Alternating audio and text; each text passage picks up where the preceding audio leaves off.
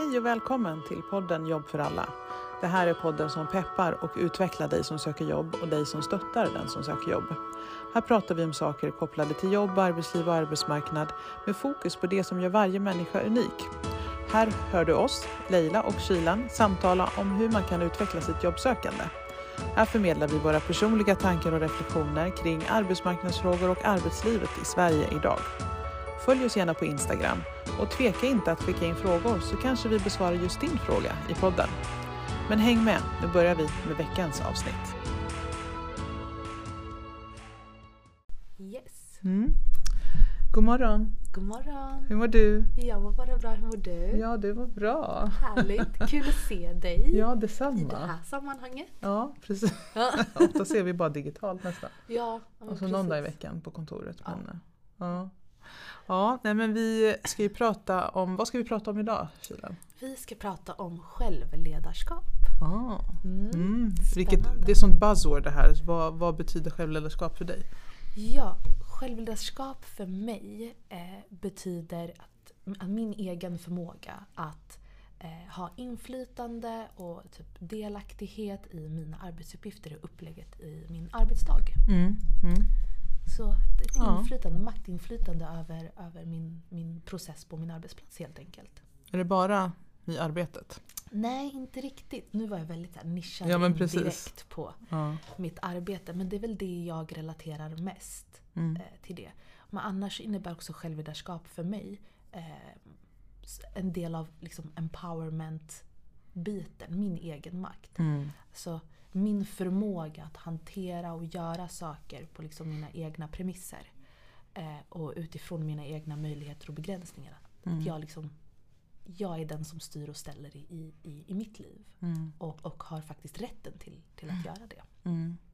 Ja, men jag håller med. För självledarskap handlar inte bara om jobbsammanhang. Även om vi oftast hör Mm. talas om självledarskap i jobbsammanhang. Mm, mm, Eftersom det är sånt buzzword eh, Mm. idag.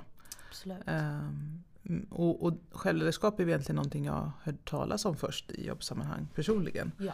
Men ju mer jag läser om det så har jag ju insett att självledarskap har varit ett naturligt begrepp för mig. Jag har liksom Mm, mm, mm. anammat självledarskap. För mig Mm. är självledarskap att, att leda mig själv. Liksom. Mm. Och för att kunna göra det så behöver, vissa, behöver jag vissa egenskaper och vissa färdigheter. Liksom.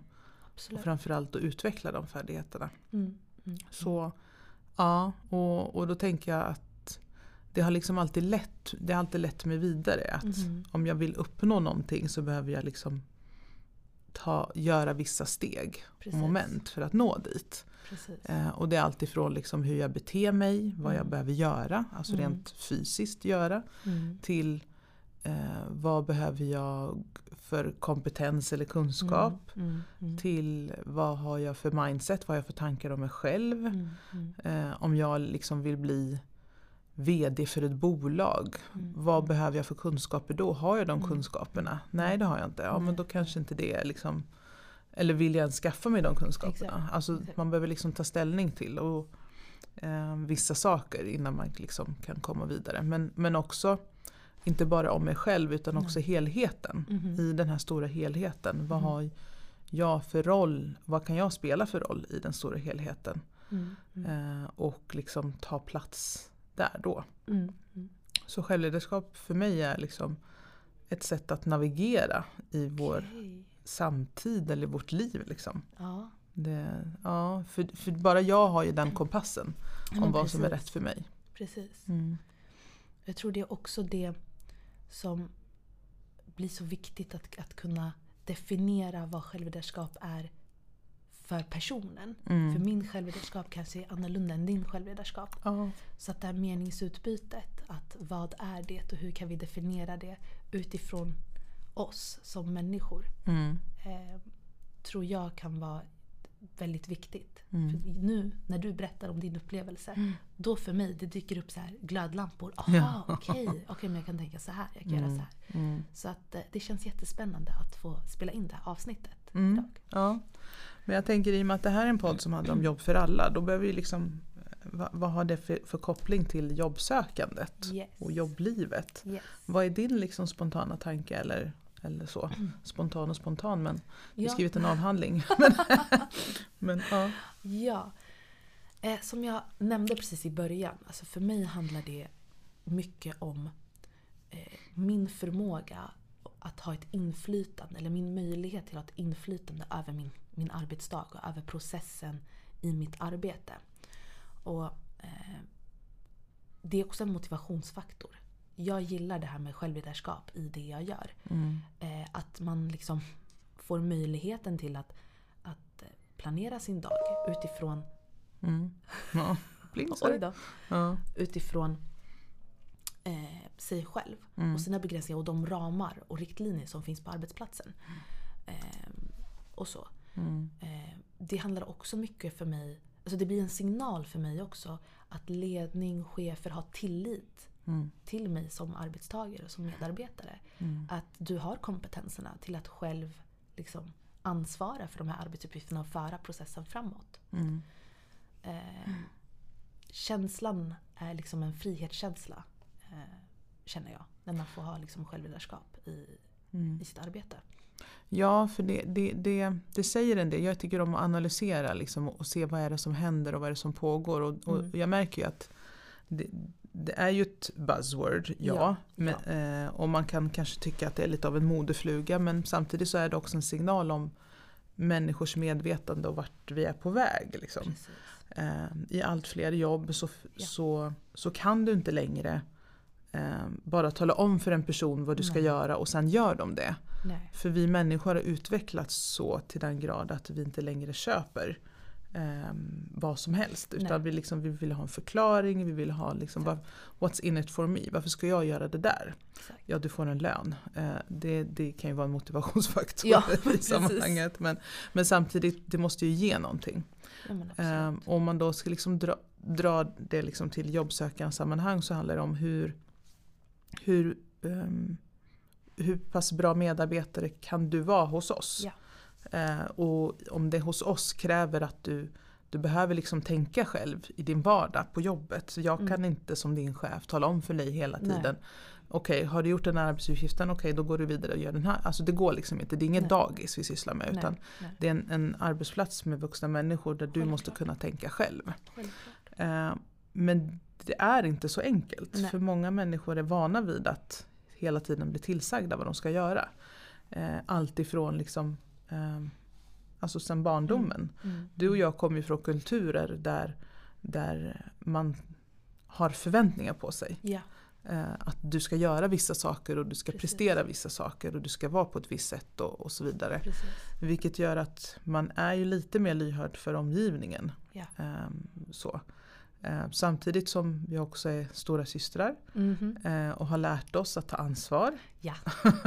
Ansvar är vårt andra namn. Ja men verkligen. Eh, det, jag växte upp med det att du, jag tar hand om allting. Liksom, Exakt, allt administrativt. Speciellt som vi hade invandrarföräldrar. Ja. Då, då blir det som att är man född här och kan liksom språket bättre än föräldrarna. Mm. Då blir det liksom, ah, men kan du läsa det här eller kan du göra det här eller skriva det här. Liksom. Så vi har liksom indoktrinerats in i att vi är presterare Exakt. och vi kan liksom ta ansvar för saker och ting. exakt. Vilket, tror, vilket jag tror bidrar till att vi är så bra på att leda oss själva. Ja.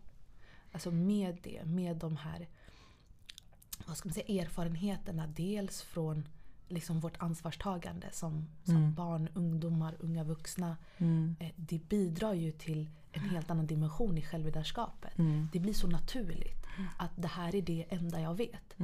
Så det sipprar in i, i arbetslivet. Ja. Liksom, som egenskap av bland annat stora syster utifrån min bakgrund.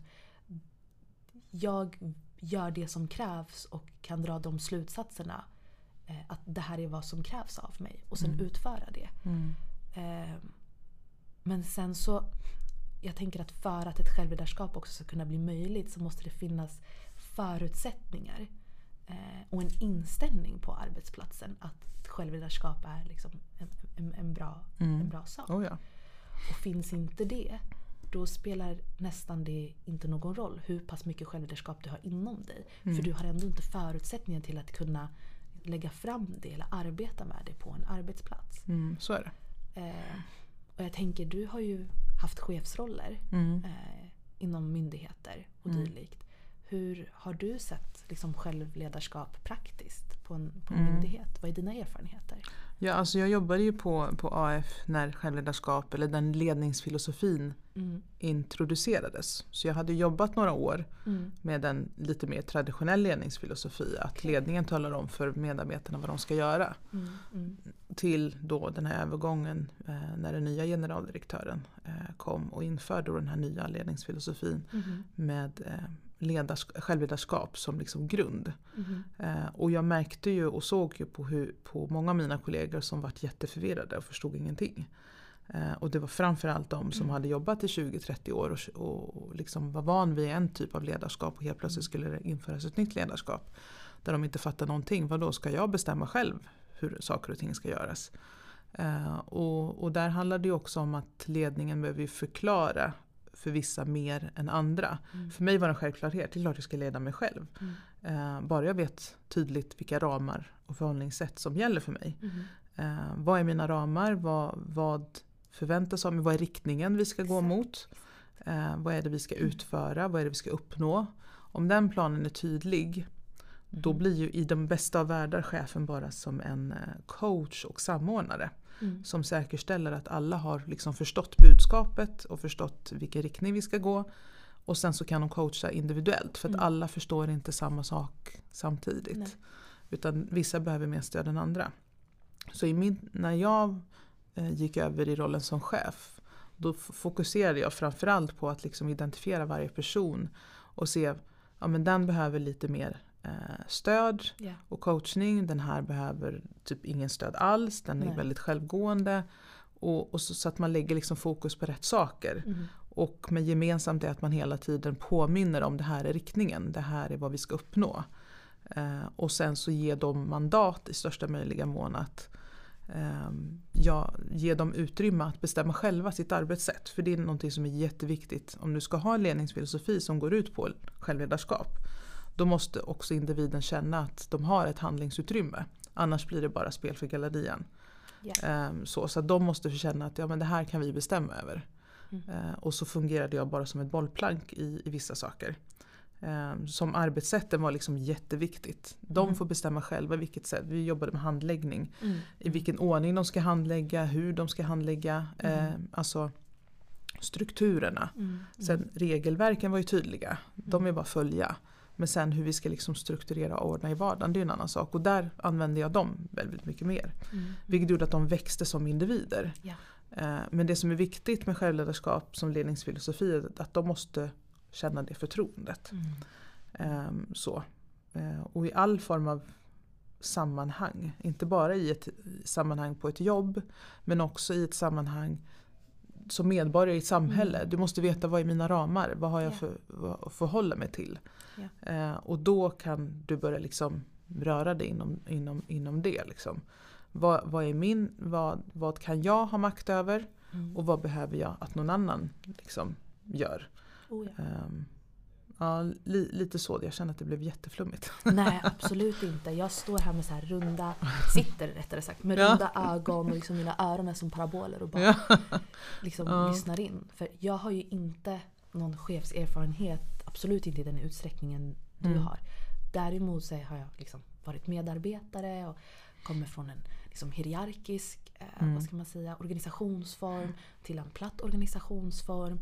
Jag har haft två olika eh, liksom, utbildningsformer på de lärosätena jag har haft. Mm. Ehm, Så jag har, den, jag, jag har mottagarerfarenheten om man säger så. Ja. Eh, och, och för mig, att, att, att man får tilliten till att, att skapa sin, sin rutin inom de ramar och regler. Mm. Det för mig är, är väldigt mycket, ger mig väldigt mycket egenmakt. Mm. Eh, och det ger mig också ett, ett självförtroende till att, att göra saker och ting. Och testa att göra saker och ting på Mm. egen hand utan direkta liksom, regler, så här ska du göra. Eh, Jag känner att man kan utvecklas Mm. som, som medarbetare väldigt mycket. Eh, om man får det förtroendet. Mm. Eh, och också inom det förtroendet utrymme att, att dels göra mänskliga fel Mm. och dels också själv få hitta lösningarna på de situationerna. Mm. Det, det ger mig väldigt mycket som individ.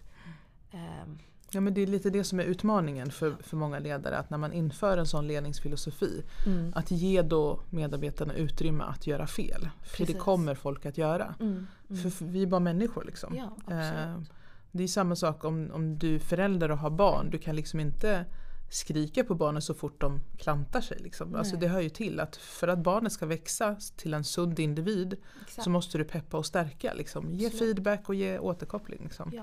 Och, det, ehm, och det är samma med ledarskap. Och man behöver liksom inte va, ha varit, haft titeln chef Nej. för att vara en bra ledare. Nej. Du kan fortfarande vara en bra ledare genom att vara en bra kollega. Eh, för det, det är så de bästa cheferna identifieras. Genom att man ser personer som har potential. Som Precis. ser till helheten, som Mm. ser liksom och identifierar människor och deras olika förutsättningar.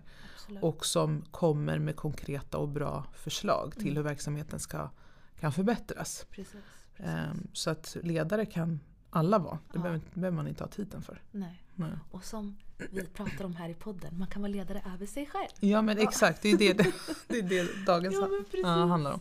Precis. Ja, och det är det, det man måste börja med. Ja. Och det var någonting när jag gick ledarprogrammet att det var det första vi började med. Mm. Att titta på oss själva. Vem är jag? Vad, vad har jag för förmågor? Vad har jag för utvecklingsområden? Precis. För att, och det, så är det när man liksom går tillbaka till sig Mm. själv som individ. Alltså när det gäller att utveckla sitt ledarskap. Mm. Det handlar ju om att du måste ha en god självkännedom. Ja. Du måste titta på dig själv i mycket högre utsträckning än vad du kanske är van vid. Ja. Och det är där jag ser att väldigt många fallerar. Okej. Eh, för man är inte så självmedveten eller självkritisk utan man tittar bara utåt och förväntar sig att omgivningen på något sätt ska liksom möta mina förväntningar eller leverera någonting till mig. Mm. Men man ser inte sin egen roll i sammanhanget.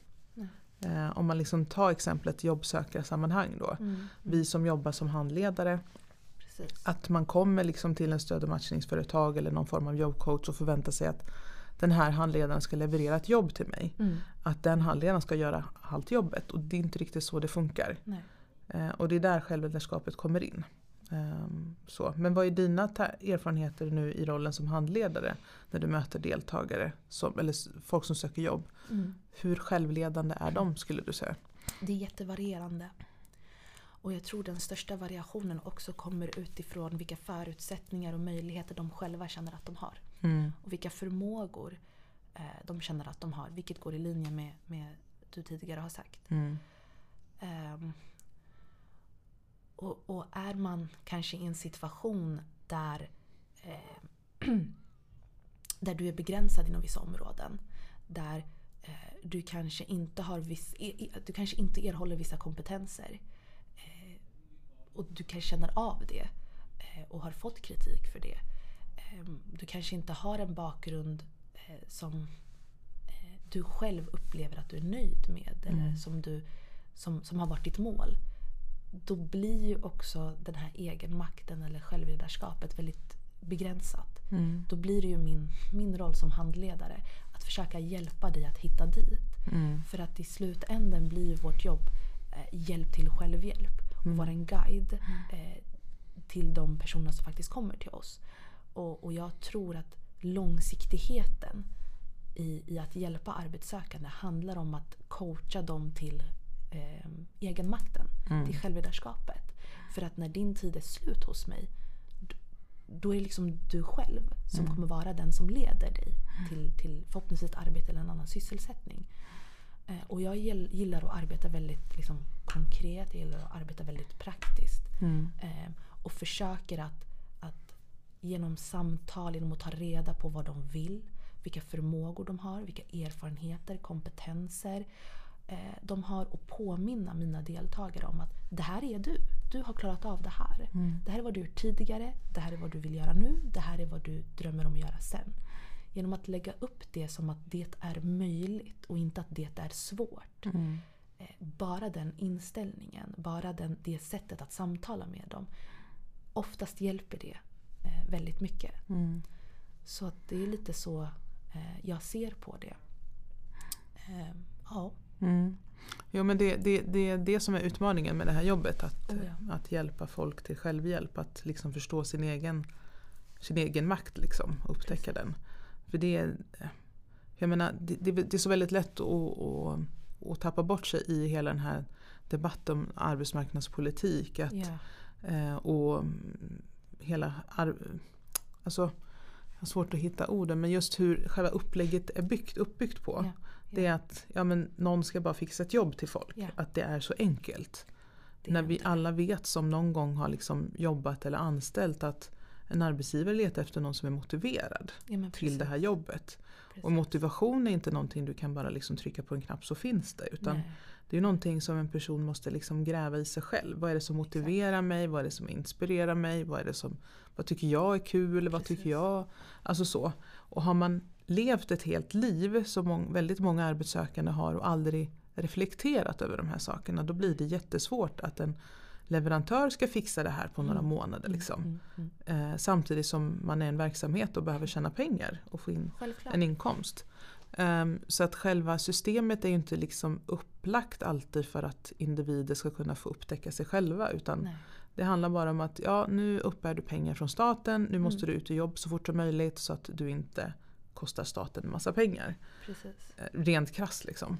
Precis. Så, men, eh, och det, det är väl lite där jag tycker att politiken fallerar. Ja men det gör den ju. Alltså väldigt mycket av dagens Mm.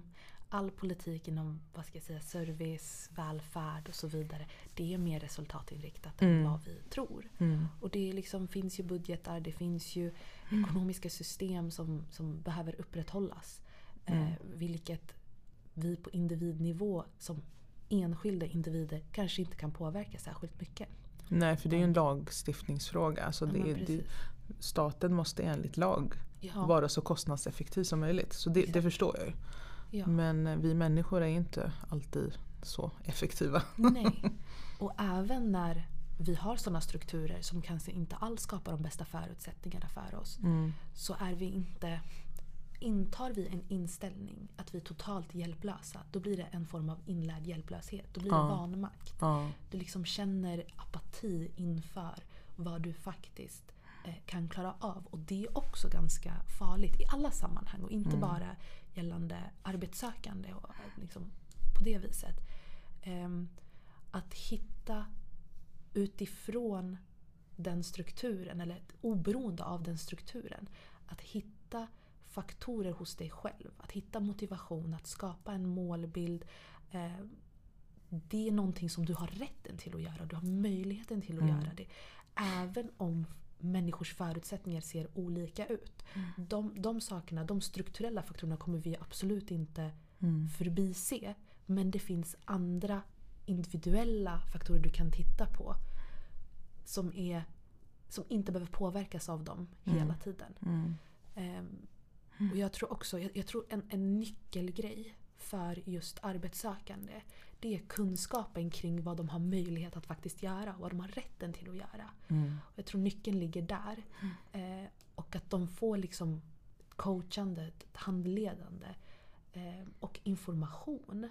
Eh, att de liksom får eh, att, att vi blir lite spindeln i nätet som hjälper dem på vägen. Jag tror Mm. att det är, det är så otroligt viktigt det här med att, att man hjälper till i, i kunskapsinhämtningen Mm. kring vilka möjligheter man faktiskt har. Ja, och det gör mig så ledsen när jag ser liksom människor som i det här samhället som vi lever i. Där det finns så otroligt mycket möjligheter. Alltså, Ja. ehm, och som bara inte ser det eller Nej. inte känner till det eller som begränsar sig själva. Ehm, för det är inte omöjligt. Mm. Eh, det, alltså man kan inte gå omkring och tänka så utan man måste liksom se möjligheterna. Precis. Och där, där, där, det är det som är en del utav självledarskap också. Att du identifierar vad har du för tankemönster om dig själv och dina Mm. möjligheter och förutsättningar. Mm. Ehm, och och där är det lätt att bli ganska filosofisk och Absolut. lite, lite så flummig. Men, men det finns ganska mycket vetenskapliga fynd som, som liksom Ja. pekar i den riktningen. Att väldigt mycket handlar om vad vi har för psykologiska begränsningar om oss själva. Absolut. Eh, och, och där tror jag den största biten vi behöver jobba mer med inom, eh, med jobbsökandet och människor som, vad är det som gör att vissa kommer i jobb och vissa inte. Exakt. Eh, ofta handlar det väldigt mycket om vad har du för tankemönster om dig själv. Ja. Hur leder du dig själv? Förlitar du dig på att andra ska göra jobbet åt dig? Eller Mm. tar du liksom makten i dina egna händer? Jag, jag har så många exempel på personer som egentligen har alla de här förutsättningarna mot sig. Men som ändå liksom, de har inga problem att få jobb Nej, eller, eller tjäna pengar eller så. Och det, det som har varit den gemensamma nämnaren för dem har varit just deras mindset. Ja, Eh, tro och, på sig själv. Ja, precis. Och ta ansvar för sig själv Oh framförallt. ja. Oh ja. Eh, Men, det, men vissa behöver ju mer hjälp än andra. Så det, det är också viktigt att komma ihåg att det handlar liksom inte om att nej, men tänk bara rätt och, och Nej, gå och gör. nej, utan nej, det handlar om vissa fall, många fall så behöver man den, det stödet. Och det är det som jag tycker är så bra med handledarrollen. Att Oh, man ja. kan vara det stödet. Och det är helt kostnadsfritt för deltagaren. Precis, precis. Det är inte gratis men Nej, men möjligheten finns i alla fall. precis. Och jag vill spåna vidare på det du... Oj, gud. Så, jag vill Mm. spåna vidare på det du sa. Mm. Om att det handlar inte bara om att säga tänk rätt. Nej. Och så, så händer det. Nej. Absolut inte. Mm. Eh, Då simplifierar vi väldigt mycket Mm. kring den här faktiskt väldigt komplexa processen det är. Precis.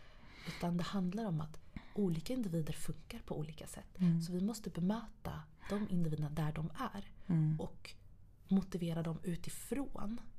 eh, Och coacha dem såklart utifrån den plats de befinner sig och vad som det är möjligt för dem att komma till. Mm. Eh, Att, öppna, att hjälpa till att öppna upp den dörren ger i sin tur liksom den egenmakten som behövs för dem att öppna upp andra dörrar. Mm. Så att hela tiden, i alla fall liksom i, i den handledarrollen vi har, att hela tiden bemöta människor där de befinner sig. Mm. Eh, för att inte stigmatisera. Det är också jätteviktigt att komma ihåg att eh, vissa har inte alltid förutsättningarna, möjligheterna, eh, orken, alltså den, den, det, det psykosociala måendet. Att tänka rätt för jobbsökandet, i citationstecken. Då måste vi bemöta dem där de befinner sig. För att på deras premisser stödja, coacha och motivera dem till ett mindset som passar dem. Och som öppnar möjliga dörrar för dem. Ja men då kommer jag in lite på det här med, med Maslows behovstrappa. Liksom, Ja. Att vissa saker måste vara tillgodosedda innan du kan gå till nästa steg. Oh ja, oh ja. Eh, Du vet när jag jobbade med, med etablering. Mm. Deras, direkt när de var- varit inskrivna i etableringsprogrammet. Deras första huvudbry där och då var ju oftast jag måste ha en trygg bostad och få igång min Ja. ekonomi. Absolut. Då går det liksom inte att sitta där, ja men nu ska vi börja med att skriva CV. Alltså det funkar liksom Nej. inte. Utan Nej. måste, okej men då fokuserar vi på det här och ser Ja. till att du löser det här. oh ja. Liksom, att man hjälper dem att bryta ner det i olika delmål. Det är ju det. Så jag hade till exempel en, ehm, en deltagare som, som hade bostad, var bostadslös. Mm. Det första Ja. tanken är inte okej men nu, nu sätter du dig vid en dator och skriver ihop ett, ett CV med de här erfarenheterna. Det är inte det Precis. som blir prioritet. Nej. För att kunna komma till det med brist på bättre ord väldigt privilegierade arbetsuppgiften till att skriva, alltså i att skriva Mm. ett CV. Mm. Då måste de här alltså basala behoven ändå tillgodoses. Ja. Det är det som är så viktigt att bemöta människor där de befinner sig. För att inte stigmatisera deras situationer. För att inte skapa liksom skuldkänslor eller skamkänslor hos någon som faktiskt kämpar för ett skäligt liv. Mm. Och det har också med egen makt att göra. När vi möter människor där de är, när vi möter dem på deras premisser, då har de en bestämmande rätt kring sin situation. Mm. Du är på min spelplan. Mm. Eftersom vi ändå inne, alltså innehar en, en eh, vad ska man säga, eh, auktorit, auktoritär ställning i, i vårt arbete. Mm. Så att, eh, jag tycker så att, att ta hänsyn till de faktorerna blir också väldigt viktigt i eh, att förmedla egen makt och självledarskap till människor. Ja, och en, en, grunden i det samarbetet Ja. eh, är just att det måste finnas ett förtroende. Ja. Man måste känna att det är någon som tror på mig eller Ja. eh, jag kan lita på den här personen. Oh eh, för att liksom kunna locka fram den här egenmakten. Ehm, och det, och vi, jag tycker det hörs för lite om det här, den här Oh ja. tuffa vardagen som väldigt många arbetssökande befinner sig i. Eh, att det är inte så lätt för, för väldigt många. Nej. Men möter man dem där de är och liksom, vad ska man säga, visar empati för att Ja. jag förstår att det är tufft eh, för Ja. dig. Så vad, kan vi, vad, vad är liksom första steget vi kan ta Precis. för att nå ditt mål? Liksom? Precis. Så att man måste liksom utgå ifrån var, varje individ. Jag har många gånger gått in liksom i, i ett, i ett eh, vad ska man säga, möte eller sammanhang Mm. med deltagare. Eh, och haft liksom hela planen. Vi ska gå igenom Mm. de här de här sakerna. Men så får man liksom höra vilka, vilka motgångar de har och då får man liksom backa bandet. Okej, men då, då vi lägger det där åt sidan och så fokuserar på det här först. Liksom. Exakt. Det är så man måste möta människor. Ja. Um, och så får man ta ett steg i taget. Oftast då så får man ju, man får näst, nästan som en, en slags ketchup-effekt där då. Mm. Att okej, okay, vi kanske, det kanske går lite långsammare i början men sen mm. när vi är liksom etablerat och fokuserar på de här sakerna då blir det som en rekyl liksom iväg. Ja, precis, precis. Uh, för då känner de att okej, okay, men det är någon som ändå ser mig. Um, ja. Så att, ja, det, ja. Nej men det, alltså jag, jag kan prata om det här i ja, timmar. Jag tycker jag det här är så otroligt intressant. Mm. Men om jag säger utifrån min, yrkesroll, eller min, min yrkesbakgrund som socionom. Mm. När, när, jag, när jag tänker på självledarskap och egenmakt, då tänker jag också delaktighet. Mm. Och i mitt arbete som handledare, jag känner det är otroligt viktigt att mina deltagare inte bara är delaktiga i det, de skyldigheter de har gentemot programmet, men också delaktiga i vad jag planerar för dem. Mm. Och att de planerar det tillsammans med mig. För det är också en, en delaktighet i och, och, att få säga till om aktiviteter som har med deras liv och deras arbetssökande att göra. Det ger dem också en form av självkänsla, det skapar förtroende, det skapar tillit och det blir mm. en bättre allians mellan oss i vårt arbete. För mm. de har någonting att säga till om. Såklart utifrån de riktlinjer, ramverk och avtal vi har. Mm. Um, och det skapar också en, en ärligare kommunikation har jag märkt. Mm. Att gör man sina del, deltagare eller klienter eller medarbetare mer delaktiga mm. i beslut som faktiskt rör deras vardag. Mm. Då, då kommer resultatet till slut bli ett förtroendeskapande mm. till liksom en bättre tillit och en rakare kommunikation. Ja, det, det slog mig precis nu när du, när du satt och sa det. Att just att Mm. vad är det som gör att en person kan leda sig själv? Ja. Eh, och ha liksom förtroendet för sig själv. Det är också att man måste ju ha haft någon, någon typ av auktoritet eller auktoritär person i sitt liv som någon gång har, har delegerat det förtroendet till Mm. en. Mm. Jag tänker på mig själv då. Mm, Eh, mm.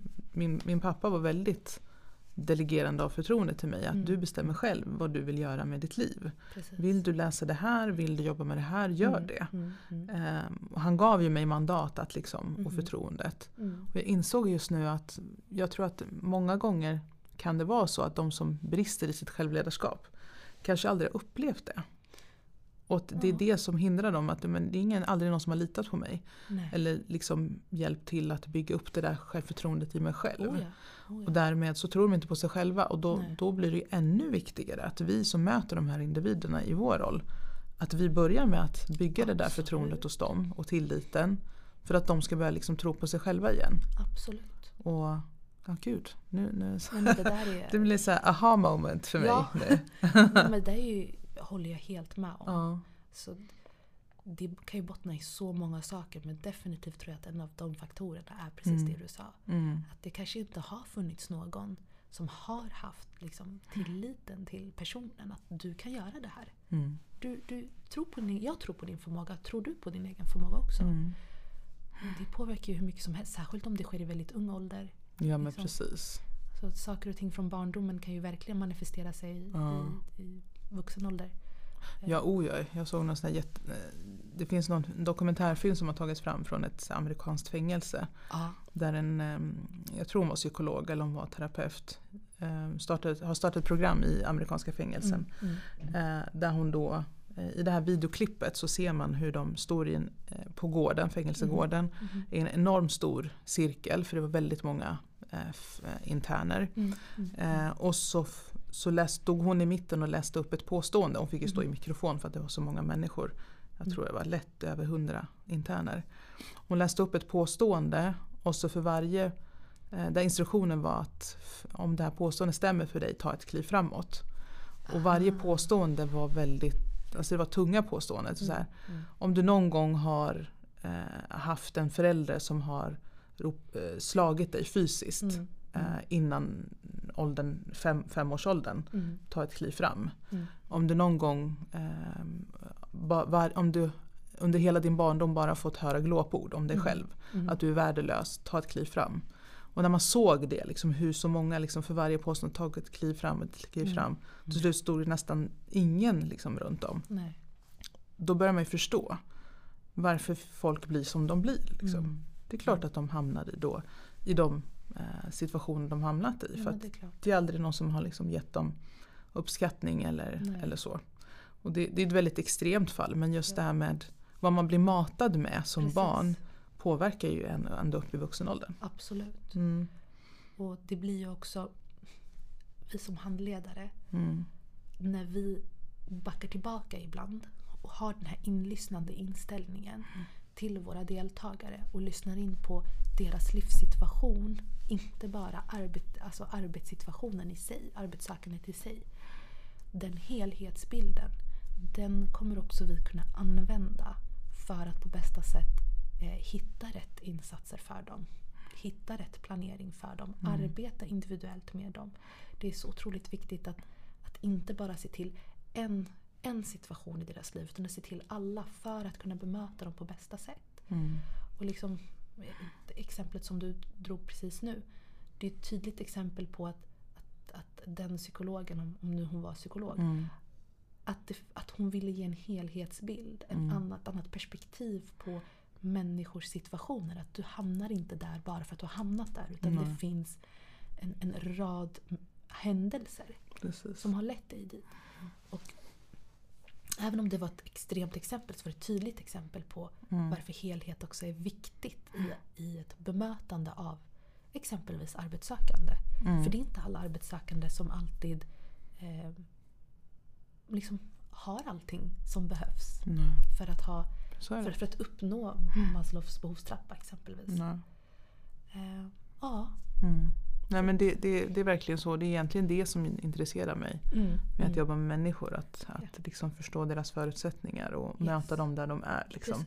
Att sitta och skriva CV och personligt brev är liksom inte höjden av min, min, Nej. min karriär. Utan det Nej. är mer att möta människor och se dem växa och utvecklas. Det är det jag tycker är kul.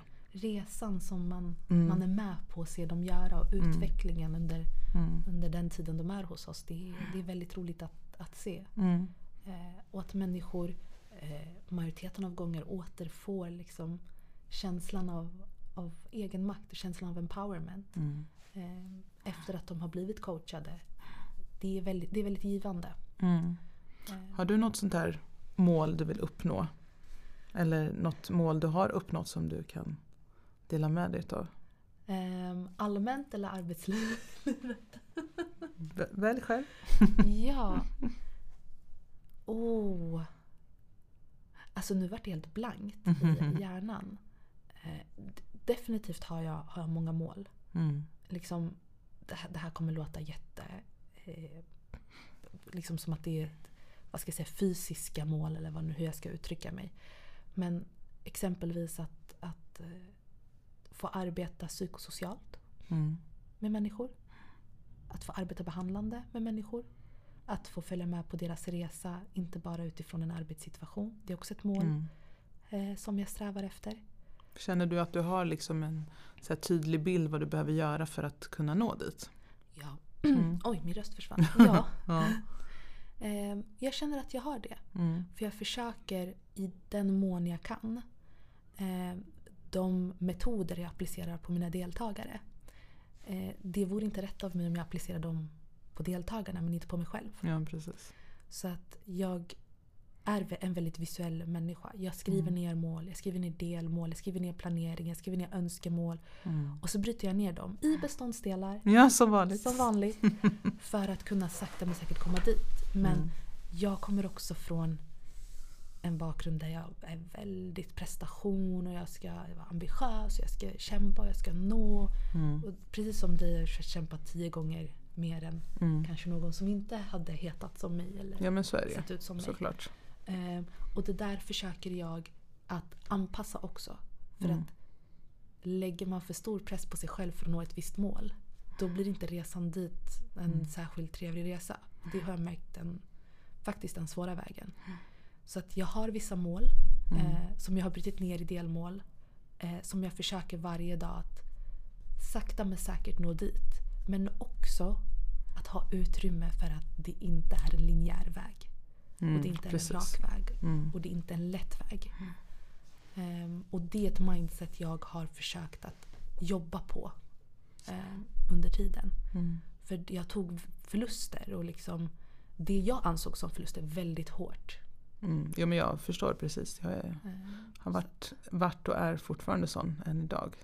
Eh, Men, men det är som de säger, det jag har kommit till insikt med att det handlar liksom inte om målet utan det handlar om resan dit. Precis. För det är det, och det handlar också om den du behöver bli och vara för att kunna nå ditt mål. Precis. Eh, Ska du liksom jobba med en, en viss sak då behöver du ta reda på okay, vad, vad, vilken typ av mindset behöver jag ha för Ja. att kunna jobba med de här sakerna. Eh, Och har jag det mindsetet idag eller inte? Om inte då behöver man ju titta på okay, vad behöver jag göra för att utveckla det mindsetet. Mm. Mm. Eller det tankemönstret eller de, eh, det sättet att vara.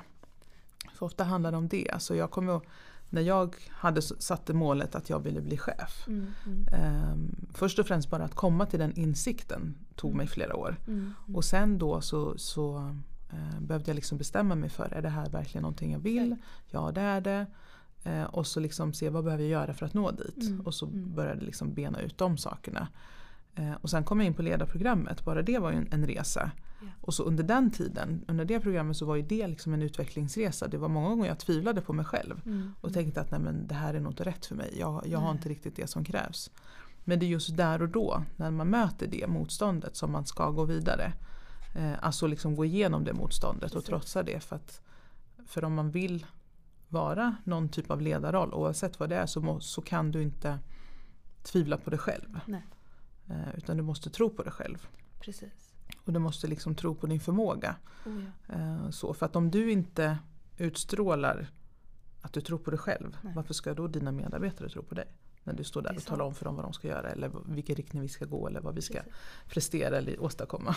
Det är lite det tankesättet jag har när jag liksom arbetar metodiskt med mina deltagare. Att Mm. De metoderna måste jag ju testa på mig själv. Exakt. Även om jag vet att de, många av dem, är liksom alla de metoderna vi använder på arbetet är ju evidensbaserade. Mm. Det är ju grundade Ja, ja. i liksom testad och tillämpad evidens.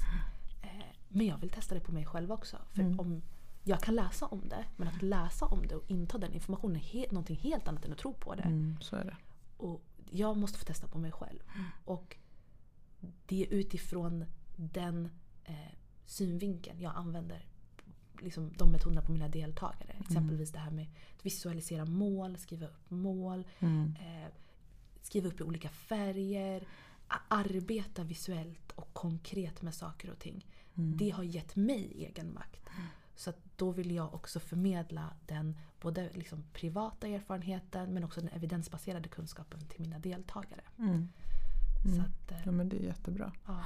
Ja, ja, vi kan ska... prata i timmar om det här. ja men precis, det finns jättemycket man kan säga om självledarskap. Jag tror att vi kommer att komma in på det lite här och där. Absolut. Men ehm, ja, jag tänker att om man ska liksom ehm, bryta ner det i tre, Mm. tre saker att tänka på så är det ju framförallt att titta på hur man, eh, vilka handlingar behöver, Mm. behöver jag nå för att nå, eller utföra för att nå mitt mål. Mhm. Ehm, liksom se vad har jag för beteendemönster liksom. Precis. Hur gör jag? Om Precis. jag har en tendens att alltid sova till klockan ett på dagen då kanske inte det är ett så, så gynnsamt beteendemönster. Nej. Så jag kanske behöver gå upp lite tidigare och, och starta igång min Precis. dag på bästa sätt till exempel. Precis. Ehm, lite så att man ser över hur, vad- gör jag, om- eh, hur gör jag och vad gör jag för att liksom nå mitt mål. Mm. Mm. Ehm, det kan vara alltid från att liksom se över sina rutiner i vardagen till om man skriver ner lite som det du beskrev, att skriva ner del, mål och delmål liksom, och, och tankar kring det. Ehm, men också titta på hur gör jag för att det är ju en resa. Ja. Eh, och motivationen kommer att, att liksom svika Ja. ibland och man kommer tänka och tvivla på sig själv. Ja men det är ingen idé. Jag har skickat iväg hundra ansökningar men det, Mm. jag får ändå Mm. inga svar. Nej, nej, nej. Då behöver man titta på, okej men tror jag ens på mig själv då? Då behöver man ju titta på sina egna beteendemönster. Precis. Eh, vad tänker jag om mig själv? Vad tänker jag om mina möjligheter? Vad tänker jag om liksom, Finns det andra som har gjort det här? Eh, det, det brukar alltid vara någonting jag tittar på. Eh, hitta inspiration. Ehm, det, och jag kan lova dig, vad det än du siktar mot eh, så finns det alltid någon som har uppnått det. Precis. Någon som är som dig liksom. Mm. Det, det finns. Så leta upp sådana här inspirationskällor liksom. Precis. För att hålla din egen motivation uppe. Ja men kan de så kan jag. Ehm, så. Och är det så att du tvivlar på att ja, men de kan men jag kan inte. Nej. Varför kan inte du? Vad är det för Precis. fel på dig liksom? Vad har de som inte du har? Exakt. Liksom, Ja. De är precis Ja, levande varelser precis som du själv. Ja. Så det, Vi har en tendens att idolisera människor. Liksom. Ja. Så eh, bryt ner det istället. I beståndsdelar. Ja, ja så att Ja. jag tänker att det, vi kan lämna det där och så får Ja. vi se vad nästkommande avsnitt, hur det kommer upp igen. Yes. Ja, och har ni några, eh, ni som lyssnar har några tankar eller funderingar kring det här med självledarskap eller erfarenheter Mm. eller frågor så är det bara att höra av sig. Absolut. Mm. Tack för idag. Tack.